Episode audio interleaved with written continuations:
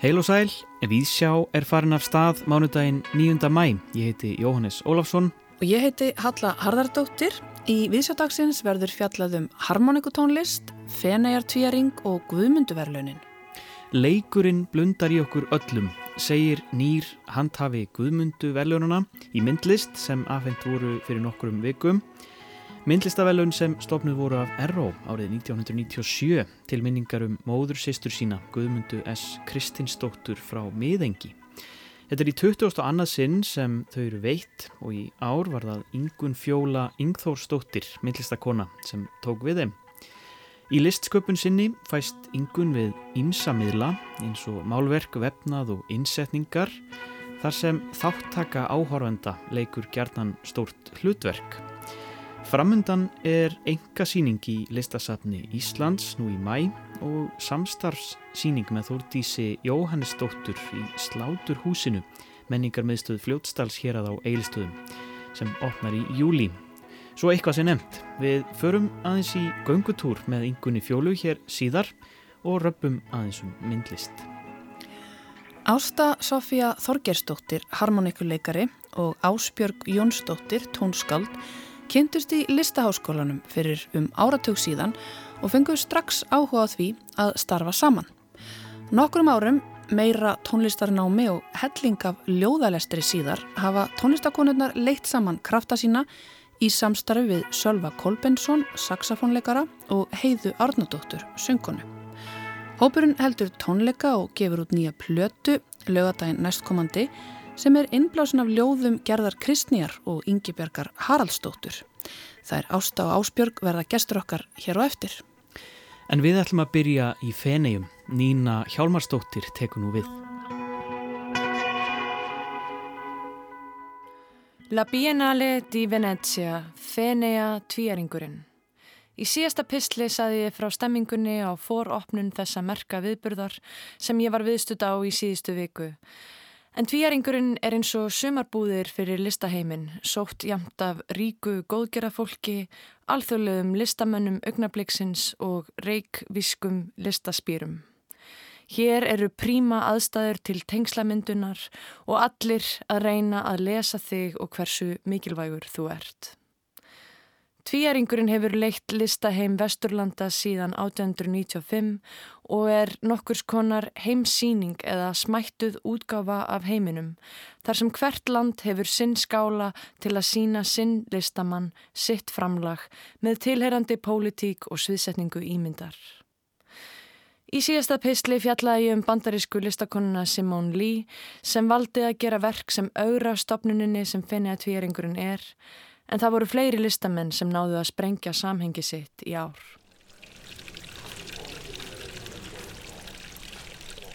Hér má heyra í verkinu Fountain of Exhaustion eða Gósbrunnur örmögnunar eftir listamannin Pavlo Makov sem var framlag Úkrænu í ár. Verkið samanstendur af 78 trektum sem er raðað í fullkominn fríherning við vegg. Efst likur vatn ofan í eina trekt sem skiptist í tvent og legur í aðrar tvær trektir og svo framvegis. Mako fekk hugmyndina að verkinu fyrst árið 1995 en þetta er í fyrsta sinn sem það er framkvæmt með vatni eins og því var ætlað. En ætlun hans var að láta verkið vera tákn fyrir mótsagnir lífsins. Ein á rennur í aðra en samt þurkast þær báðar upp, örmagnast. Þannig sé verkið myndlíking fyrir örmögnun mannkinsins og örmögnun líðræðisins. Hins vegar hefur verkið fengið á sig nýja merkingu vegna yfirstandandi stríðs í Úkrænu og ólýsandi hryllings. Listamæðurinn og síningastjórarnir sem rétt náðu að flýja land með verkið í upphafi innrásareinar segja að aðteklinn sem verkið sé búið að fá hafi verið þeim erfið En þau skilja að þau eru nú orðin eins konar umbóðsmenn landsýns og menningar. Þegar grundvallar tilvist menningar þeirra er í hættu vegna innrásar Rúslands þá sé mikilvægt að sína ukrænska list. En þau segja líka að verkið sanni að jafnvel þó að stríðið umljúki þau þá séu þau samt fær um að byggja sína framtíð. Sama hvort mann horfir á verkið og hugsa um stríðið eða horfir á verkið og hugsa um annars konar örmögnun, þá nær það að vekja upp bæði mikla tragík en um leið fegurðina sem býr í harminum. Því vatnið helst ekki í trektunum, það rennur til þurðar ofan í næstu trekt og ringrásin hættir aldrei og úr því er hægt að lesa bæði huggun en líka mikla deburð. Kanski er það bæði á sama tíma að eilífu óaðskiljanlegt. Tíðarandin endur speiklaði sannarlega í því hvaða listamenn urðu fyrir valinu sem framlög ímissa þjóða sem þykir væntum orðspórsitt eða sjá mikilvægi þess að takast á við eigin sögu eða vilja gefa þeim rödd sem hafa félagslega verið undir í samfélaginu. Þetta mátti sjá til dæmis í því hvernig Breitland og Bandaríkin völdu í fyrsta skipti svarta konu sem sitt framlag eða Frakland valdi algerísku listakonuna Sinet Sedira en stórkustlegt verk hennar draumar hafa enga titla, vakti mikla aðtegli og myndaði strax laungröð fyrir framann franska skálan til að upplefa performansin kvikmyndina og töfra heiminn sem Sedira sviðsetti. Norræni skálinn sem er eins konar auka skáli í eigu Finnlands, Noregs og Svíþjóðar var í ár umbreytt í sama skála skála fyrir sama þjóðurnar sem eins og flestir vita eru innfættar þjóðir í norður Skandinavíu. Innan samheitiðsins samar eru ímsir sama þjóðflokkar og mörg tungumál en ákveð var að í sama skálanum á tvíaringnum fengju þrýr listamenn að setja upp verksing, eitt frá hverju svæði sem við hinn köllum Noreg, Svíþjóð og Finnland. Þessi gjörð, þessi umbreyting kom mér satt að segja frekara óvart þegar hún var tilkynnt árið 2020. Ég hefði ekki haldið að þessi lönd væri komin á þann stað að viðurkenna á alþjóða vettvangi hinn alda gamla harm sem þau hafa valdið og eru enn að valda. En ég komst að því að öll löndin hafa nýlega hrind af stað rannsóknar nefnd til að gera upp söguna og leita sátta og ávarpa norræna nýlendustefnu. Í yfirlýsingu skálan stendur að saga samalandsins hefjist áður en konseptið Norðurlönd varð til og að skálinn sé fyrir landið sem var einu sinni landamæra laust svæði og þjóðuna sem þar bjó og býr enn. Þannig sé þessi gjörð eins konar tákn fyrir kúvendingu á kröfu nýlenduvæðingarinnar sem hefur sögulega reynd að eigða tilvist samalands og samamenningar. Þessi eyðing byrtist meðal annars í sífældum lagasetningum sem neyta sömum um eigin menningu, trúarbröð, tungumál, landsvæði og lifnaðarhætti eins og reyndýra ræktun. Á sama tíma voru börn sama tekin fyrir og sett í heimavistarskóla til að menta þau sangamt norrannum stöðlum og aðskilja þau og fjölskyldur þeirra og arfleið. Þegar maður stýgur síðan inn í skálan og neytir verkana sem eru oddkvöss gaggrinni á fyrri og núverandi stefnu þjóðana gegn sömum, þá myndast mjög skrítinn tókstreita. Hún er næstu því óþægileg en samt ekki því vandraðanleikin fyrirgefst eitthvað veginn því mann veit að þetta er mjög heiðarleg tilrönd til einhvers konar kennsla. Það er verið að reyna að gefa eitthvað tilbaka af því sem hefur verið tekið af þeim. Á byggingunni eru á einum stað nöpp þjóðana, Finnland, Norrögur og Svíþjóð, en þau hafa verið hulin með hangandi skuldur, tre eða skinnhúðum, en nöppnin sjást samt greinilega. Þegar inn er gengið rata augun beint á röð litrika og gróteskra málverka eftir listamannin Anders Sunna sem hann gerði ásamt fjölskyldu sinni sem sína atbyrði síðustu fimm áratuga. Verkin segja frá baráttunni sem sunnafjölskyldan og samar hafa háð til að bjarga náttúrunni sem þau byggja tilveru sína á sem er undir stöðuri ógn frá ólíuleit, virkinaframkvæmdum, trefinslu, hamfarahlínun, heræfingum, túrisma og listin heldur áfram. Verkin eru marglaga og flókin og sumt getur hið vestræna auga lesið eins og frægar personur úr sönu sem byrja ábyrða hörmungunum En um leið er margt sem fólk eins og ég sé ekki, hlutir sem eru kóðaðir með táknum úr andlegri þekkingu sama. Síðasta málverkið er í formi öskuleifa sem liggja á gólfinu en ætlun sunna er að það tákni sjötta áratugin sem einhvers konar framtíð sem verði græðandi og valdeblandi fyrir sama. Ég ætla rétt að vona að þessi umbreyting skálan sé meira en bara takkræn gjörð en það er augljóst af verkum listamannana að lovorðum endurbætur ná ekki að beinum kapitalismans og eru samfélagin þeirra núna í þessu augnabliki í stríði fyrir sig og fyrir umhverju sitt og er margt farið sem aldrei er hægt að endurheimta. Spurningin sem var mér þó efst í huga og enginn gætt svarað hvorki á staðnum eða í rannsókminni er hvernig verður þetta eftir tvö ár? Verður þetta þá aftur bara venjulegi norræni skálinn?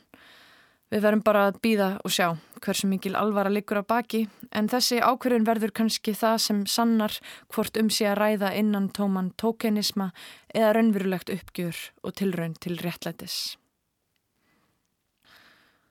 Síðasta verki sem ég ætla að fjalla um heitir Paradise Camp eða Paradísar búðir og er framlag Nýja Sjálands í ár en verkið er eftir listakonuna Yuki Kihara sem kemur frá eigunni Samoa sem er hluti af pólinesísku eigunum á Kirrahafinu.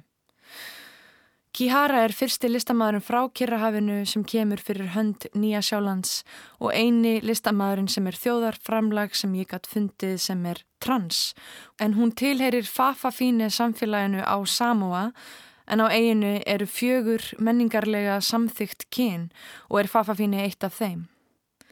Menningarleg vitundum kyn er frekar einsleit hérna á Vesturlöndunum og rót gróin í tvíhyggjunni en í mörgum samfélögum indigenous eða infights fólks um allan heim eru hugmyndir um fleiri kyn en tvö oft mjög rótgrónar og oft er þeim sem falla utan vestrangs skilnings um karlega konu, þeim er jafnvel fagnað sem æðri samfélags þegnum.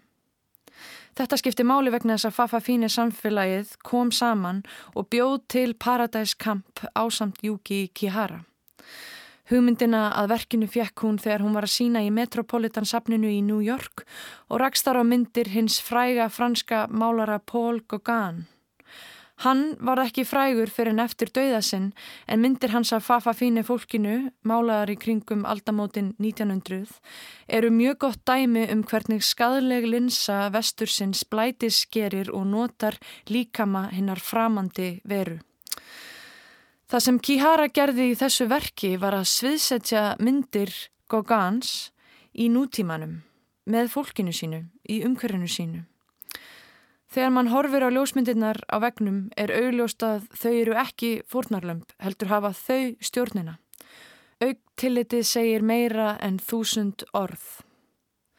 Þannig endurhemta þau sögu sína og snúa við linsu valdsins. Ég talaði við Yuki Kihara um verkið og hún gæti hjálpa mér að afhjúpa fleiri þýðingar mikið lögverksins. Þegar kemur að hinsegjun og nýlenduvæðingu og sílenduvæðingu sem er orðið sem ég nota yfir decolonialization. Hún saði mér líka frá því hvernig hugmynd vestrætna þjóða um sjálfsig var búin til út frá þeim sem þær skilgrendu sem utan vestursins. So what I want to do here is to, is to bring together the politics of the environment identity politics and decolonization because we're Þannig það sem ég vil gera hérna er að sameina umhverfispolítík, sjálfsmyndarpolítík og sílenduvæðingu því þar sem hamferra hlínun og fafafíni hittast er að í augnablíkinu sem að vesturlöndin kynnast hugmyndinu um að eitthvað geti verið hinsegin. Það er sama augnablík og landkönnuðunir komu til Kirrahafsins og uppgötuðu í gæsalöpum fólk sem var með ógreinilegt kyn og samkynja sambönd. Þannig að könnuðurnir og trúbóðarnir og verslunamenninni komu, skráðu niður þessar sögur og fóru með þær aftur vestur og þannig öðlaðist vestrið hugmyndina um hvað hinsegin gæti verið. Þannig ég myndi segja að hinn alþjóðlega gay pride reyfing skuldi innfættu fólki. Því ef þeir hefðu ekki uppgötað okkur, hefðu þau aldrei uppgötað sjálf sig. Kihara saði mér að hún liti á Paradise Camp sem uppvinnslu á úreldu efni. Þar sem eitthvað sem þegar er til er tekið og það endur bætt í eitthvað sem er stórkostlegt eða fabulous. Ásamt ljósmyndunum er vídeoverk þar sem við sjáum fyrstu viðbröð Fafafíni meðlema við málverkum Gauguin sem afhjúpar svo sannarlega fáranleika vestrænu linsunar. Annar staðar í rýmunum á sjá leifar af viðtækri rannsókn Kihara, meðal annars auglýsingar fyrir túrista sem fanga þá skadalegu ímynd sem paradísin hefur fengið á sig. Þar má líka sjá upprunalegu svartkvítu ljósmyndirnar sem Gauguin notaði til að mála myndirna sínar en hann kom aldrei til samóðu. Á vegnum er líka forsíða af dagblæði þar sem má sjá mynd af látinni fafafíni konu og hún ranglega kynjuð í tekstanum. Kihara saði mér svo frá starsta verkinu í rýminu þar sem 13 manns stilla sér upp á strönd sem var fyrir hræðilegri flóðbylgu árið 2009 en fólki á myndinni var fólkið sem syndi fyrstu björgunar störfum í þeim hamförum en þegar hjálparsamtök settu upp búðir á staðnum var ekki tekið tillit til þarfa fafafíni samfélagsins. Paradise Camp er því sviðsett í paradísinni en paradísin er líka heimsendaleg. Hún er að kljást við bæði hamfara hlínun en líka hamfarinnar sem vestrann gildi hafa þraungvað á þessi samfélag. Verki er því bæði uppgjör, viðverun og kall eftir breytingum en fagnar líka bæði samfélagi innfætra og samfélagi hins einn fólks. Það sínur okkur hvaða kraftur það er sem getur umbreytt og saminað og hann er svo sannarlega ekki vestrætt, heldur kemur frá því sem er á ská, hins einn, innfætt, annarlegt, í ansbyrnu og fabulous. Saði Nína Hjalmarsdóttir sem að vanalega rínir í leikús hér í þættunum en fluttu okkur hér fréttir frá Fennium þar sem að einhver mesta myndlistar veisla ársins á heimsvísu fer fram um þessar myndir. Mitt, en þá höldum við aftur hingað heim og fáum að kynast splunkunir í íslenskri tónsköpun en á laugardag kemur út platan Irkja vildi ég jörð sem er samstarfsverk þeirra Ástu Sofíu Þorgerstóttur, harmonikuleikara og Ásbjarkar Jónsdóttur, tónskalds.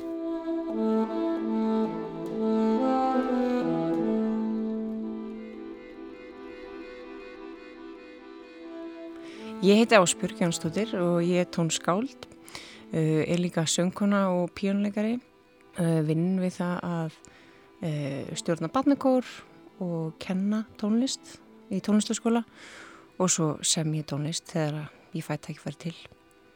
Og ég heiti Ásta Sofja Þorgersdóttir og ég er harmonikuleikari og vinn sem sjálfstætt starfandi tónlistamæður og er mikið að spila bæði í Nóri og á Íslandi og finnst mjög gaman að spila sem fjölbreytasta uh, alls konar tónlist, já. Hvernig lágu leiðir ykkar tekja saman? Í listaháskólanum, uppalega. Um veit. Útskriðumst á, á sama tíma og svo hérna skildu leiðir í, í, í þó nokkur ár myndi ég segja.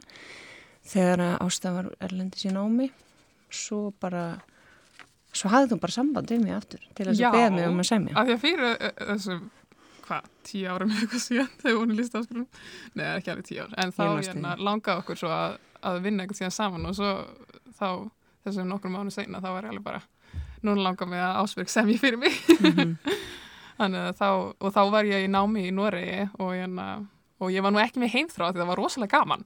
En stundum svona einhvern veginn saknaði ég bara daldi einhvern veginn að heyra einhverju íslenski rött og, og þá var ég svona daldi í því að, að lesa áttur svona í ljóðabækur og svona og þá líka bara gerðist það svona sjálfum sér einhvern veginn að það vakti einhvern innblástur hjá mér og, og stundu fór ég bara eitthvað að hafa kósi að vera að lesa ljóð og svo byrja að spinna út frá upplifinni þú veist, hvað, hvort ég sá okkur að myndir eða hvað, hvað ég var að skinja eða, eða knúði þetta eitthvað rött innan með, með mér þótt að það væri allt önnu rött heldur en ljóðið er að segja, þú veist, þetta er bara svona en vekur eitthvað hjá mér og líka það var svo gaman svona að vera þá allt í einu listamæðurinn sem er samt sem áhörðandin að því að ljóðið er að gefa mér eitthvað. En svo tek ég það inn í spilið.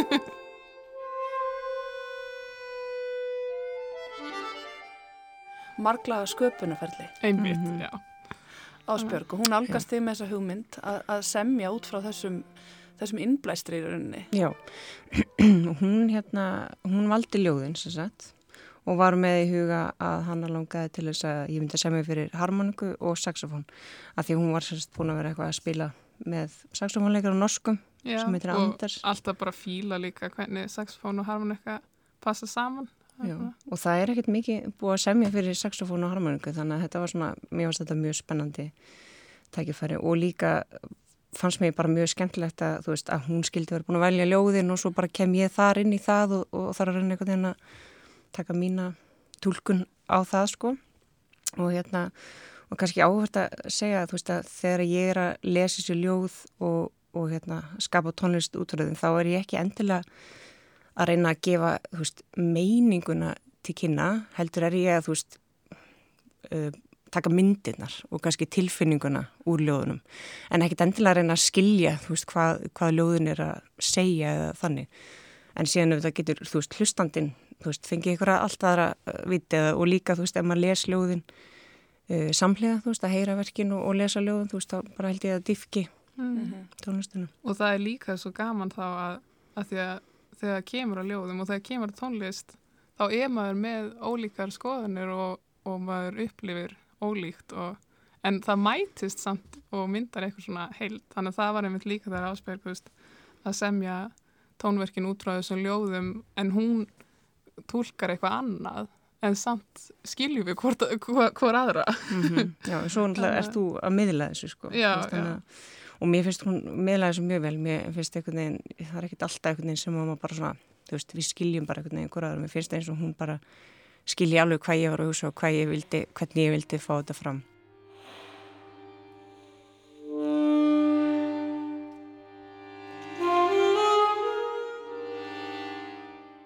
Þetta var 2019, þá voru, voru þessi verk frumflutt á hérna, bæði hérna, í Nóri og Íslandi og síðan uh, langaði okkur alltaf að taka sér verku upp og það ákvaðist að gera síðislega haust mm -hmm. og þá fengum við hérna, íslenskan saxofónleikar með okkur, hann Sölva Kolbeinsson og hann hefur svona með uh, meiri hérna, bakgrunn úr jazz en, uh, en samt líka búin að læra klassiska tónlist og hérna, og ég er enda sjálf líka með smá bakgrunn í jazzi. Ég er líka með smá bakgrunn í jazzi Já, þannig að þetta einhvern veginn talaði skemmtilega saman og hérna, og þá, já, tókum við verkinu upp í haust og og þá einhvern veginn kviknaði eitthvað, ok, vá, mér langar að gera eitthvað meira, þú veist, mér langar að semja síðan núna fyrir þau, þú veist, að því þetta var uppalega fyrir ástu og, og þennan norska saxofónleikara mm. og hérna, og þá kviknaði þessu hugmynd að bæta sérstaklega söngkonu við mm. og hérna, og, og, og líka bara til að sjá, veist, hvernig hvernig verður það, eða það verður augljóslega allt öðruvísi þegar er, þegar við fóum að heyra ljóðin, raunverulega, því þau heyrast ekki í, í hínum verkunum Uh, og líka bara nótkunin á hérna, harmoningunni og, og saxofónunum verður allt öðru sér þegar þau þurfa að taka tillit til söngkonunar sko mm -hmm. og eru svona meira þú veist undirleiksefni og maður getur ekki alveg kannski gert alltaf sama sko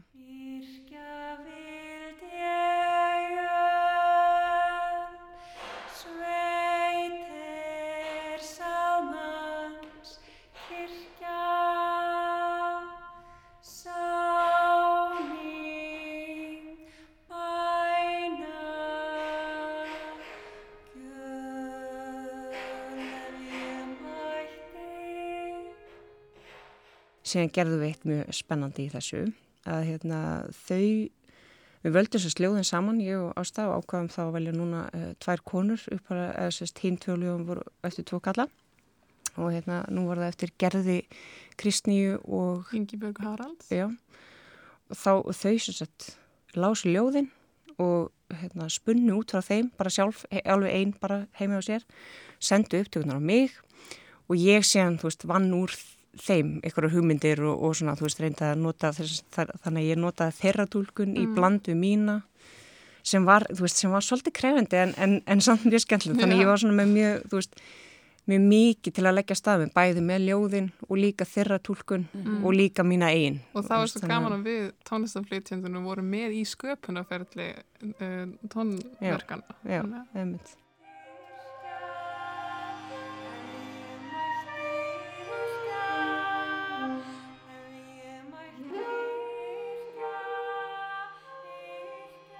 Þetta ljómar eins og mjög skemmtilegt sverðalega þetta sköpunarferli. Já, þetta.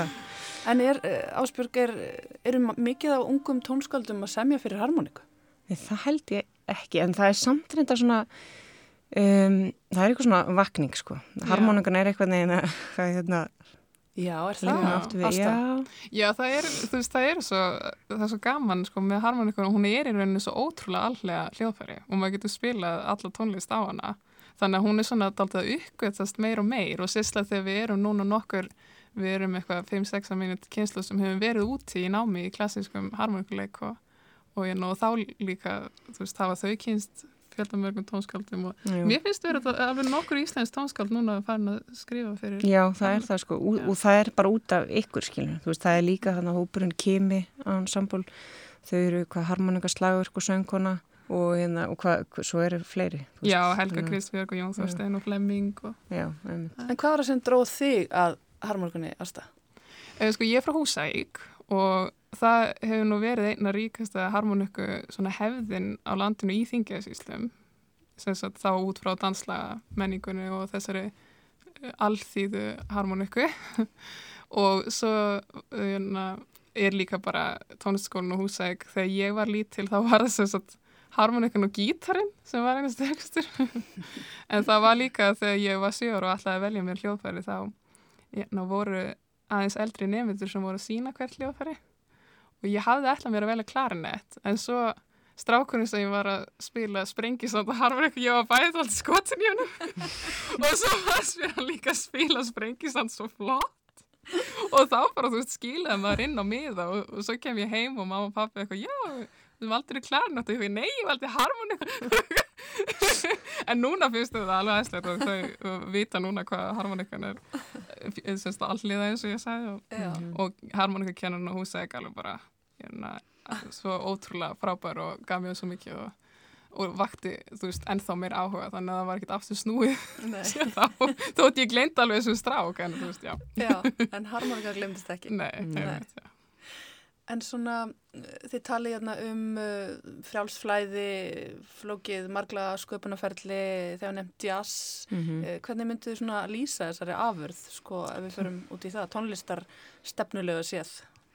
Já, ég, ég myndi lýsa þessu sem svona, þú veist, eins konar jöna, nútíma með fríum spuna mm -hmm. og uh, mjög svona, daldi svona ekki svona meditation en samt ekki þú svona uh, mér finnst maður að komast í daldur svona hugleislu hérna, feeling Svona er svona flæðandi kannski Já, flæðandi. Já, já, já ég veit ekki ég veit ekki hvort það sé eitthvað svona eitthvað beint, eitthvað svona jazz áhrif en það svona kemur inn á milli alltaf eitthvað svona grúf það bara mm -hmm. svona er eitthvað oft partur af minni tónlist og ásta skinjar það mjög vel og skilar því mjög vel og, og, og reynda sjálfu líka. Þannig að það er eitthvað svona elementi í þessu þannig að það kannski kemur smá hérna úr djassinum myndi ég segja mm -hmm. Ég myndi um, segja að það væri, veist, væri ekki, samt í rauninni ekki mjög mikil djassáhrif en nei, bara svona út frá því að við erum með að samt bak við eira þá verður þetta svona með spunanum mm -hmm. og mhm. þessu svona mm -hmm. þetta flæðandi Já. Já. En svona kveikjan hjá þér ásta uppálega þegar þú varst þarna ein, einmanna í Norri og fórst að leita í ljóðin. Ég var ekki veit einmann ég þráði eitthvað svona aðeins svona íslenska tengingu já, ég skil. Um, þá langaði að fara að skoða hvernig þá tónlistin var að vinna með ljóðunum og hvernig tólkun og ljóði verður að tónlist í rauninni. Og, og hverju hafið þið komið stað saman? Já, það er góð spurning. Mm -hmm.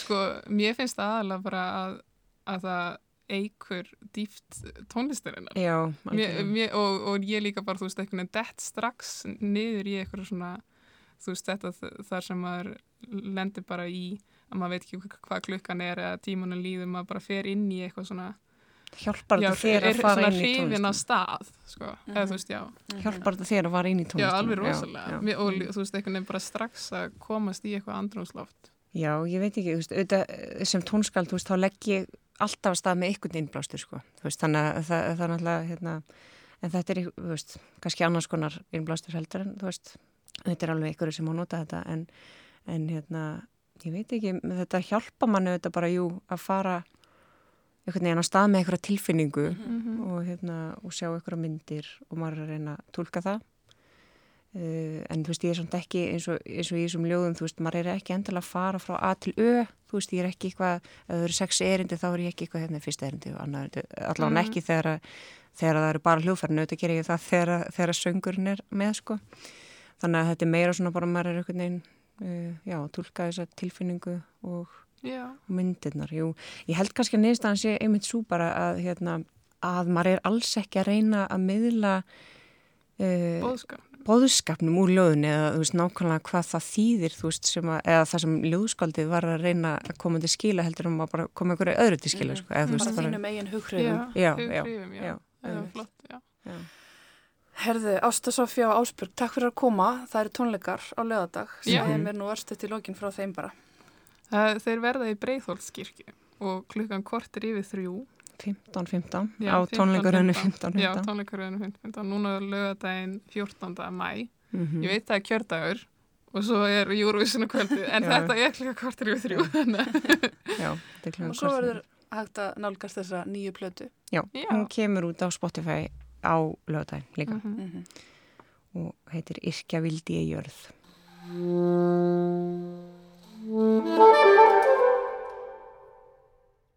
Ásta Sofía Þorgersdóttir, harmonikuleikari og Ásbjörg Jónsdóttir, tónskáld, píónleikari og söngkona.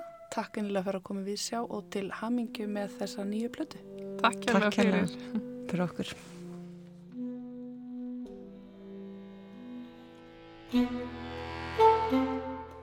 Smá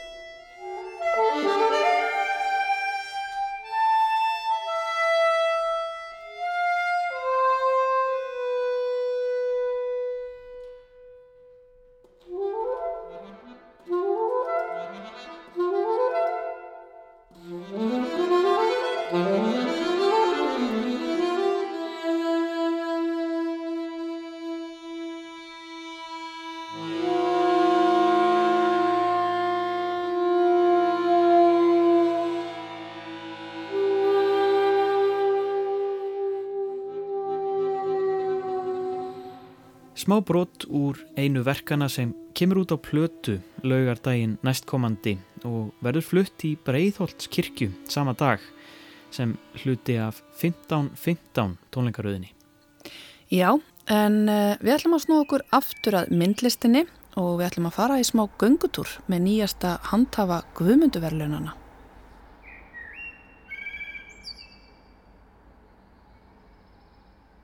Ég er stattur hérna skamt frá Ríkisútarpinu. Mér fannst ástæði til að kíkja aðeins út í göngutúr. Við erum með hugan við myndlist í dag. Eh, Nýr handhafi Guðmundu velunana. Viðurkenningu úr listasjóði Guðmundu var kynntur fyrir nokkrum vikum.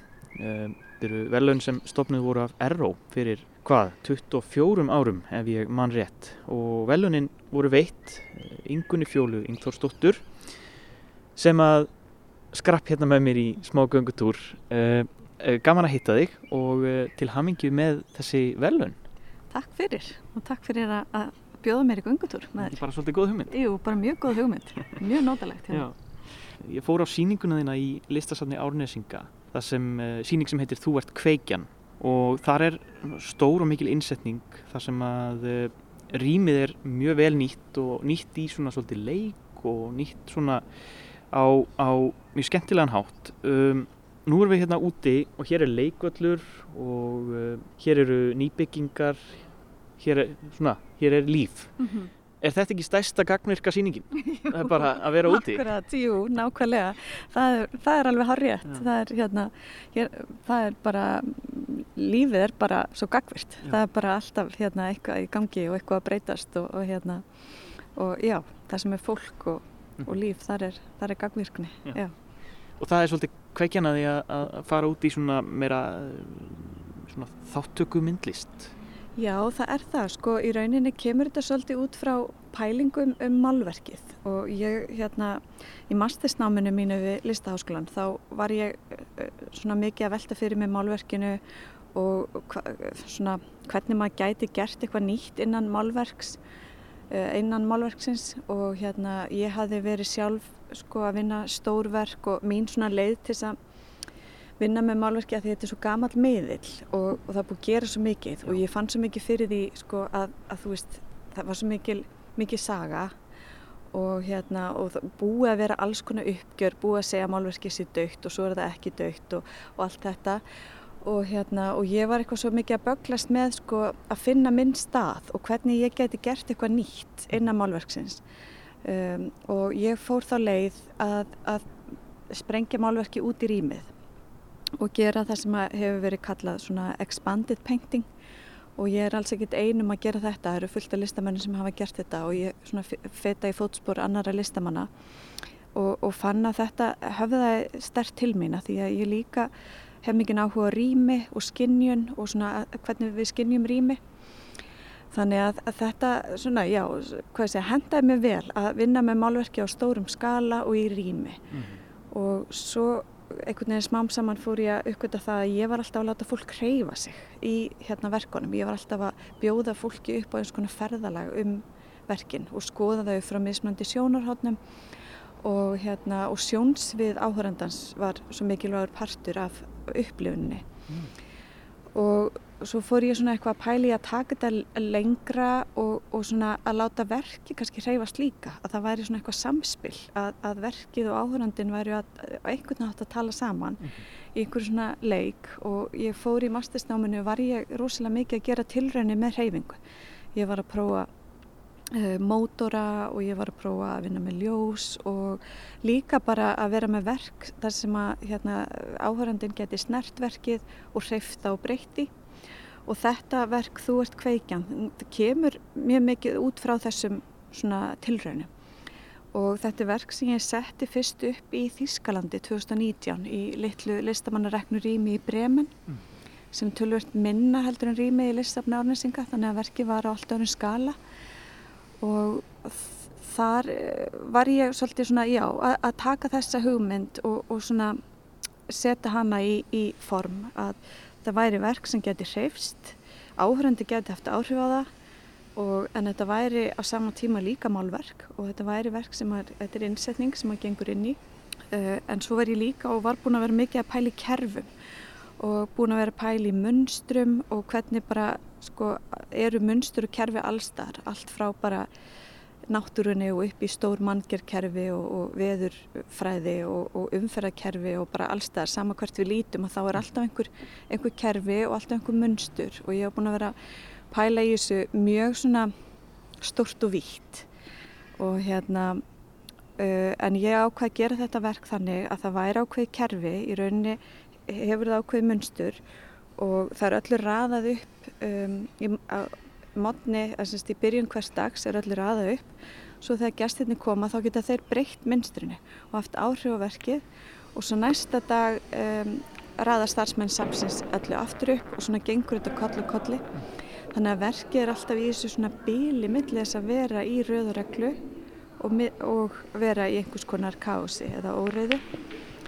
Og alltaf einhvern veginn svona, já, í, í þessu millibils ástandi og það fannst mér eitthvað rúslega áhugavert. Mm. og líka að það minnst rúslega áhugavert einhvern veginn þegar reyfing er að byrja, það er eitthvað við það augnablík, mm. ég get ekki alveg útskýrst hvað það er, en að þegar að hlutirnir eru alveg að stoppa eða alveg að fara að stað, það er eitthvað svona, eitthvað fegurð í því. Mm. og eitthvað spenna, eitthvað spenna já, já, nákvæmlega. Og þarna í þessu verki þá er alltaf þetta augnablík í gangi, svona já, og á misefnan hátt og hérna með því að nota snóperkúlur að þá býja til svona reyfingu sem er svolítið, uh, ég, ég hef ekki fulla stjórn á henni, hún er svona, uh, sko, það er alltaf eitthvað, eitthvað svona tilviljun og hending og, og líka vilji áhörandans, vill hann reyfa, vill hann koma við, sparkar hann óvart, sparkar hann viljandi já. og þetta er eitthvað svona lítil móment sem ég finnst rosa spennandi. Mm. Og svo er eðlisfræðin líka bara, kúlurnar klessast saman og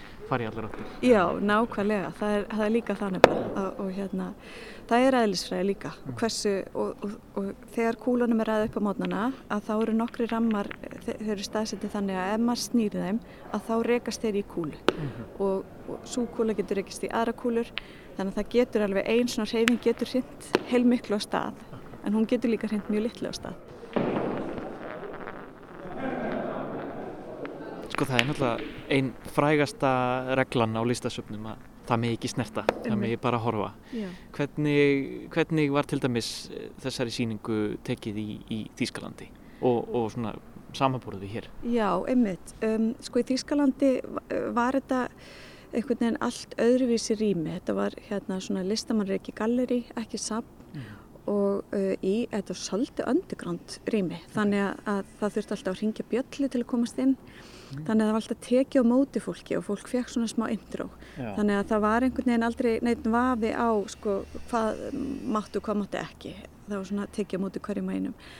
En í listsafni árnýsinga þá er þetta náttúrulega svona, uh, þetta er uh, safn og hérna og það er oft margir sem kom inn í einu og það er kannski ekki alveg sko, tækifæri til þess að tala við hvern og einn mm. og, og, og það finnst mér líka áhugavert vegna þess að það stendur, það eru smá leiðbynningur upp á vegg sem að kannski ekki allir taka eftir. -hmm. Þannig að fólk er kannski í svona smá augnablík, um, í smá tíma er það ekki alveg vist hvort að meir hefur og ekki en svo sér það aðra koma við og hérna það er eitthvað svona, eitthvað svona aha moment þegar að fólk fattar, eða vona ég, að, að það megi koma við verkið.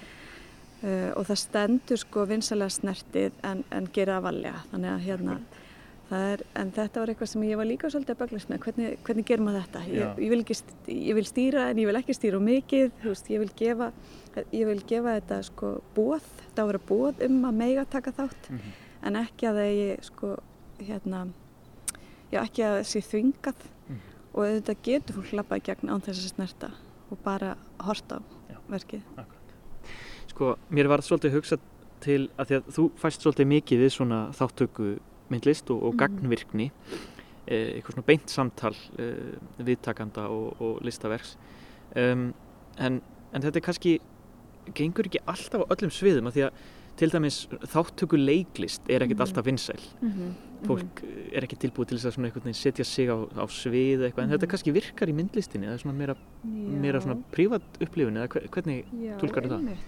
Sko, já, ég held að sé mitt sko þegar fólk fyrir leikúst þá er það kannski með það í huga það sé svolítið áhörandi og það sitji út í sal og mhm. það getur bara svona notið og það þarf ekki að leggja neitt til sjálft annað en að vera bara móttökandi mm. og Ég, sko, já, í myndlist held ég að það sé nú alveg í sumun tilfellin þannig og hérna að fólk vilja ekkert endilega taka þátt, vilja, en, en í þessu tilfelli þá, þá getur þú tekið þátt og þú getur valið upp á hvaða markið þú gerir það. Mm. Þannig að hérna, að því að þáttökan er í gegnum leik, hún er svona svolítið leikræn, ja. það er ekki verið að krefjast mikið af þér. Að, já, ég held einhvern veginn kannski að það virki og ég held að leikurum blundin að bli okkur allum og, og hérna, þegar við fáum tækifæri til þess að, að leika okkur þá, þá kemur það mjög svona náttúrulega. Það er ekki verið að byggja fólk um að setja hérna, eitthvað fram eða segja eitthvað eða skrifa eitthvað. Veist, þetta er bara svona einhvern veginn, þetta er mjög svona náttúrulegur leikur. Engar kröfur? Nei, engar kröfur, emitt, já. já. Og það hefur verið tölvert í myndlist undan farin ár þáttaka og hérna og hún getur verið misjaflega krefjandi. Já. Já, og það er enginn kannski einn uppskrift að því og ég er ekki að segja að mín aðferð sé eitthvað betri en önnur en, en hún allavega hefur virkað fyrir mig Já. og þetta sé svona líka svolítið í gegnum skinnjun og ég er með litunum líka svolítið að, að reyna svona tæla fólk, að, mm. að ég er að tæla fólk til þess að lappa um og skoða og, og þú veist, taka þátt einhvern veginn á einhvers konar abstrakt hátt. En er það formið sem kallar á þig eða efnið? Hvernig, hvernig er svona vinnuferlið? Um, sko vinnuferlið hjá mér er mjög oft þannig að ég byrja uh, með að vinna með teikningar af sölunum þar sem ég er að fara að sína í. Þannig að það er mjög oft, sérstaklega, já, sérstaklega ég er að gera einsetningar, mm -hmm. þá byrjar vinnan oft á því að skoða rýmið og ég fæ senda teikningar og, og ég skissa í svona hérna þrývítarmódel í tölvu og þannig að það er mjög oft einhvern veginn sko að rýmið kallar á eitthvað hjá mér. Það er einhver eiginleiki í rýminu sem að mér finnst áhugavert að, að vinna með mm -hmm. en svo er ég líka mjög formræn og ég er mikið að spá í liti. Þannig að þetta er svona, já þetta helst allt í hendur og, og hérna efnin líka og ég segja stundum að þegar ég er að gera ný verka þá finnst mér ofta eins og ég sé að nóða þau svona smám saman inn í heiminn. Þannig að ég beiti mismunandi aðferðum, ég bæði semst, teikna í tölvu en svo þarf ég alltaf líka að gera mótel í, í efni að því minnst tölvan stundum blekja svona rýmisupplöuna og svo ger ég efnistilraunir í hérna raunstærð og hérna þannig að ég er einhvern veginn sko, veist, verkið er ofta verða til á svona já, á, á löngum tíma, ég þarf ofta að melda hluti lengi og prófa mig áfram hérna. Þannig að það er ekki þannig að ég geti bara sest niður við tölvu og teikna þetta upp. Þú veist, ég þarf, þarf að testa og prófa og, og, og mála og, og hérna, velja litina og þú veist, þetta þarf allt, einhvern veginn alltaf já. eiga sitt ferli. Þetta er svona svolítið rannsóknastofa? Já, svolítið, já, já. Akkurát og ég bý með til rosa marga reglur Já. og það eru mjög huglegar sko og, og kannski, þú veist, botnar enginn í, í, í þeim, þú veist, nema ég. Mm. þannig að þetta er líka svolítið svona eins og púsluspil eða einhver þraut sem þarf að ganga upp. Já, svolítið starfræði hugsun Já, það er það, Já. Já. Og alls konar svona litla reglur sem ég held kannski fólk takk ekki endilega eftir en, en skiptir mjög máli eins og í þessu verki að þá eru rammarnir mist breyður og mist þykir og, og það er regla í því og, og hvernig eru staðsettir og sliðis að það er einhvern veginn svona í býmir til einhverju lógík sem að kannski er ekki, alls ekki lógísk fyrir öðrum en hérna það er eitthvað svona eitthvað svona gestaþraut til að finna út Já, já, já, akkurat, akkurat. Um, Guðmunduvelunin, maður langar að mm. ræða það þau, þau eru veitt á hverju ári veitt framúrskarandi listakonu hvernig, hvernig fer kona að að fá svona velun?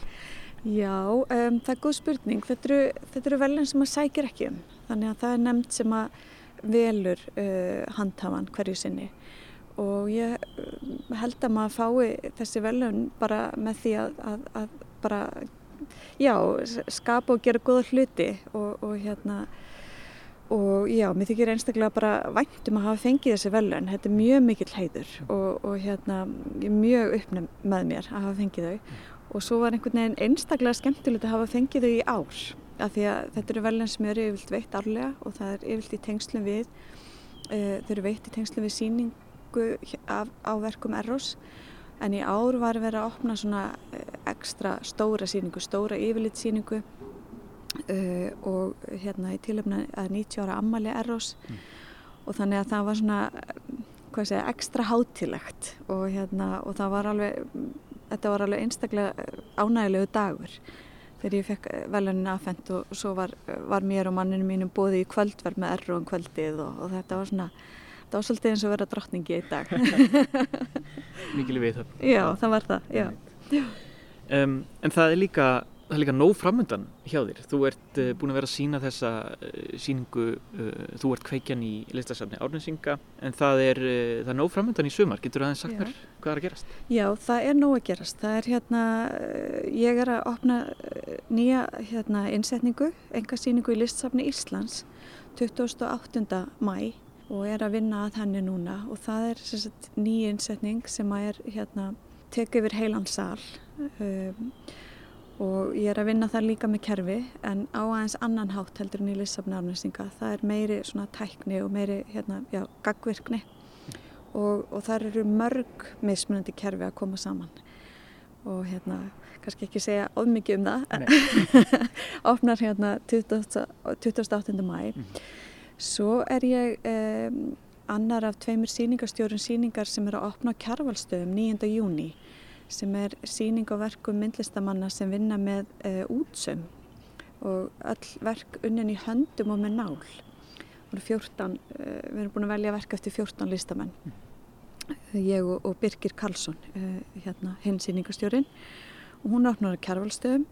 Síðan er ég að opna síningu á samt Þórtísi Jóhannesdóttur, við hefum unnið mikið saman, myndlistamæður Við erum opnað síningu á Egilstöðum annan júli í Sláturhúsinu, mm. menningarmiðstu fljótsdalshéras og það er síning sem er að opna um, í þessu uh, gamla húsi sem að hérna, gengdi hlutverki sláturhús í mörg ára á eilstöðum en það er búið að vera að taka það í gegna innan og er að opna aftur, uh, fyrsta síningi sem opnar aftur eftir geggerar breytingar. Mm.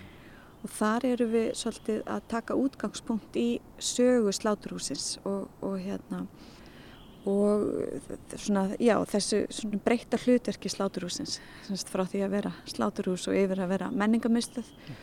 og, og svona er samfélagslegu breytingar sem að hafa orðið sér stað e, á eilstöðum og annar staðar líka hérna á þessum árum frá cirka 1940 til dagsins í dag og við erum svona svolítið að fjallum hvernig þessi breyting sem við sjáum í sláturhúsinu, þetta er svona byrtingamind breytingar sem eru víða um Ísland og líka bara annars þar í heiminum mm. að það er verið að taka uh, eldri vestmiðhúsnaði, sláturhús, fiskvestmiður og fleira út um hérna, alland og, og erlendis og breyta í menningamiðstöðar þannig að hérna Já, þannig við erum svolítið svona að taka útgangspunkt í því. Já, það er ekkert að vera slátraninu þar.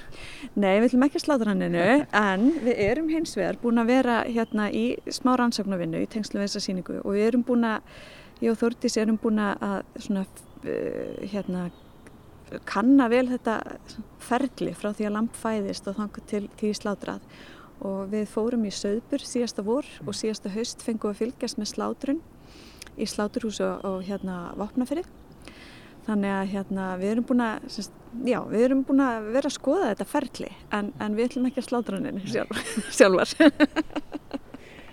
Akkurat.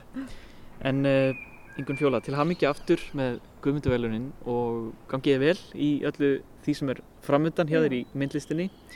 Það er hægt að regna, þannig að það er lilla sem komum hérna. Komum fugglasengur? Já, bara takk kjærlega fyrir spjallið. Takk sem leiðist.